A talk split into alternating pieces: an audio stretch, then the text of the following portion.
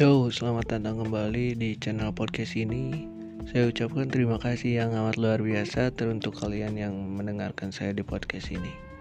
Di kesempatan kali ini, saya ingin menyuarakan suara saya sendiri terkait pandemi corona yang terjadi sampai hari ini. Dari mulai adanya teori konspirasi hingga terciptanya sebuah aspirasi. Namun sebelum itu, di sini kalian tidak perlu terlalu percaya pada apa yang saya katakan di sini kalian hanya cukup untuk terus mengikuti apa kata hati dan naluri kalian, oke? Okay? Pertama, saya sangat mengapresiasikan tindakan Bung Jering dari Superman is Dead dan juga sekaligus seorang public figure yang selalu berani melakukan segala hal untuk melawan penindasan. Dan salah satu tindakan yang terjadi saat ini, dia telah mengkampanyekan suaranya untuk tidak melakukan sistem lockdown di negeri ini. Mengapa begitu? Karena kita tahu bahwa lockdown hanyalah sistem yang menindas seluruh rakyat dalam segala bidang, terutama pada bidang ekonomi. Kalian tahu bahwa resiko dari sistem lockdown ini adalah bisa berakibat chaos di negara yang melakukannya. Contohnya saja di India.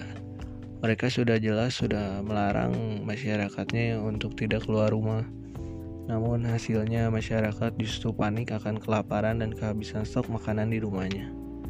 Alhasil mereka langsung berbondong-bondong saling mendahului untuk mendapatkan suplai kebutuhan untuk mempertahankan hidupnya di rumah nanti. Dan dilihat dari sisi buruknya lockdown ini sendiri adalah tidak adanya tidak ada pekerjaan yang menghasilkan bagi sektor formal maupun informal. Dan ya, akibatnya kepanikan pas masal pun bisa terjadi karena takut akan kelaparan yang mengancam di hari nanti. Dan dapat disimpulkan bahwa jika lockdown terjadi di negara ini, saya yakin yang lebih menghantui daripada virus COVID-19 ini adalah rasa lapar alias kelaparan. Hmm, lalu belakangan ini terjadi hal-hal yang menjanggalkan terkait pandemi COVID-19 ini. Pertama-tama, awal gejala yang akan dialami penderita COVID-19 ini hanya menyerang bagian pernapasan manusia. Tetapi beberapa hari lalu dikatakan juga bahwa COVID-19 ini menyerang bagian otak. Dan juga pada awalnya dikatakan bahwa COVID-19 ini adalah virus yang menular dari manusia ke manusia tapi herannya kenapa kemarin juga dikatakan sampai ada macan yang tertular virus COVID-19 ini. Dari sinilah awal dari konspirasi yang terjadi di dalam pemikiran saya. Karena media seakan-akan memberitakan COVID-19 ini adalah sebagai senjata kiamat bagi umat manusia. Dan inilah yang membuat kita sekarang terlalu takut terhadap virus COVID-19 ini.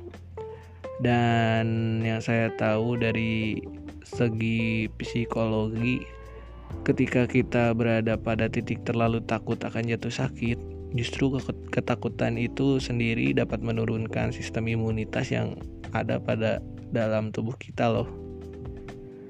Dan apakah kalian tahu bahwa saat ini Bill Gates sang pendiri Microsoft lah yang menjadi salah satu incaran masyarakat yang percaya bahwa konspirasi ini akan terjadi Mengapa begitu? Karena proyek sinyal 5G yang sudah dibangun di Amerika sana adalah sebuah proyek yang di mana para masyarakat konspirasi mempercayai bahwa tujuan proyek ini adalah tidak jauh untuk vaksin yang mereka buat itu mengandung microchip dan untuk lebih jelasnya kalian bisa search di media sosialnya teori konspirasi karena persoalan Bill Gates saya belum mengetahui lebih dalam gitu ya.